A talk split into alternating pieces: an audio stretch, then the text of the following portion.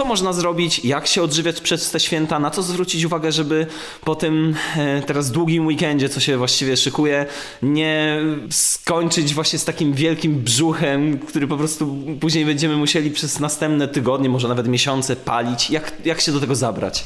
Najlepiej wcześniej zaplanować swoje menu, wybrać takie produkty, które są jednak e, mniej kaloryczne. Przede wszystkim zaplanować zakupy, tak? E, I najlepiej, jeżeli mamy możliwość, jeżeli sami przygotowujemy e, dania i produkty, potrawy, to po prostu zrobić sobie dokładnie listę, iść na zakupy i kupić tylko to, co jest na liście, żeby nic nas oprócz tego nie kusiło, tak?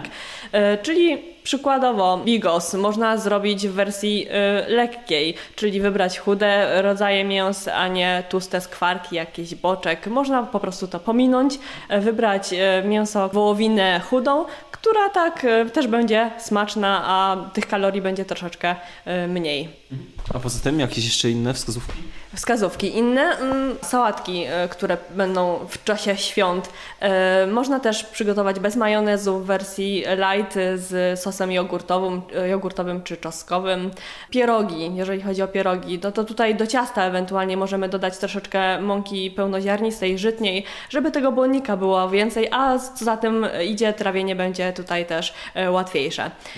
A czy na przykład jest jakieś danie na stole wigilijnym, takie, które warto zjeść nawet w większej ilości? Nie wiem, no, ryba, może jakieś inne? Barsz czerwony. Barsz czerwony, buraki jak najbardziej działają oczyszczająco. Także tutaj e, barsz e, czerwony jak najbardziej. E, z uszkami może być, tylko tych uszek też nie 10, tylko 3-4. Ważne właśnie jest, żeby też nie jeść za dużo. Tutaj chodzi o ilość, czyli możemy spożywać wszystkie produkty, wszystkie potrawy, tak, wigilijne, tylko w ograniczonej ilości. Tutaj jest właśnie ta ilość najważniejsza, żeby odchodząc od stołu e, nie czuć takiego właśnie pełnego, przepełnionego brzucha.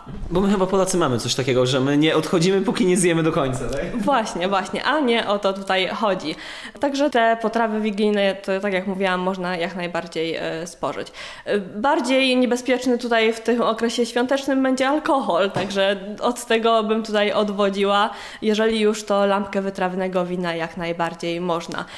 Pić dużą ilość wody wody mineralnej najlepiej. Ewentualnie jeszcze przed kolacją wigilijną można wypić wodę gazowaną.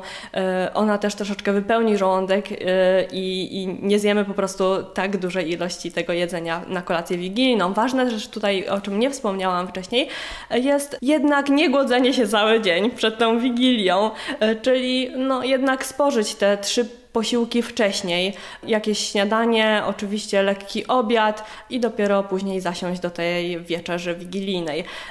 Na drugi dzień możemy też tutaj pobudzić organizm troszeczkę do e, trawienia e, i warto sobie przygotować taki koktajl z ananasem, z pomarańczem, z imbirem, e, z dodatkiem ewentualnie siemienia lnianego, to taki będzie efekt troszeczkę oczyszczający po tej wieczerzy. A proszę powiedzieć, a jak z ruchem jeszcze? Warto też właśnie ruch e, jak, najwa- jak najbardziej tutaj e, wdrożyć, czy mm, idąc do rodziny a nie i pojechać autem. Jak spadnie śnieg, to można wspólnie z rodziną iść na spacer, zrobić bałwana.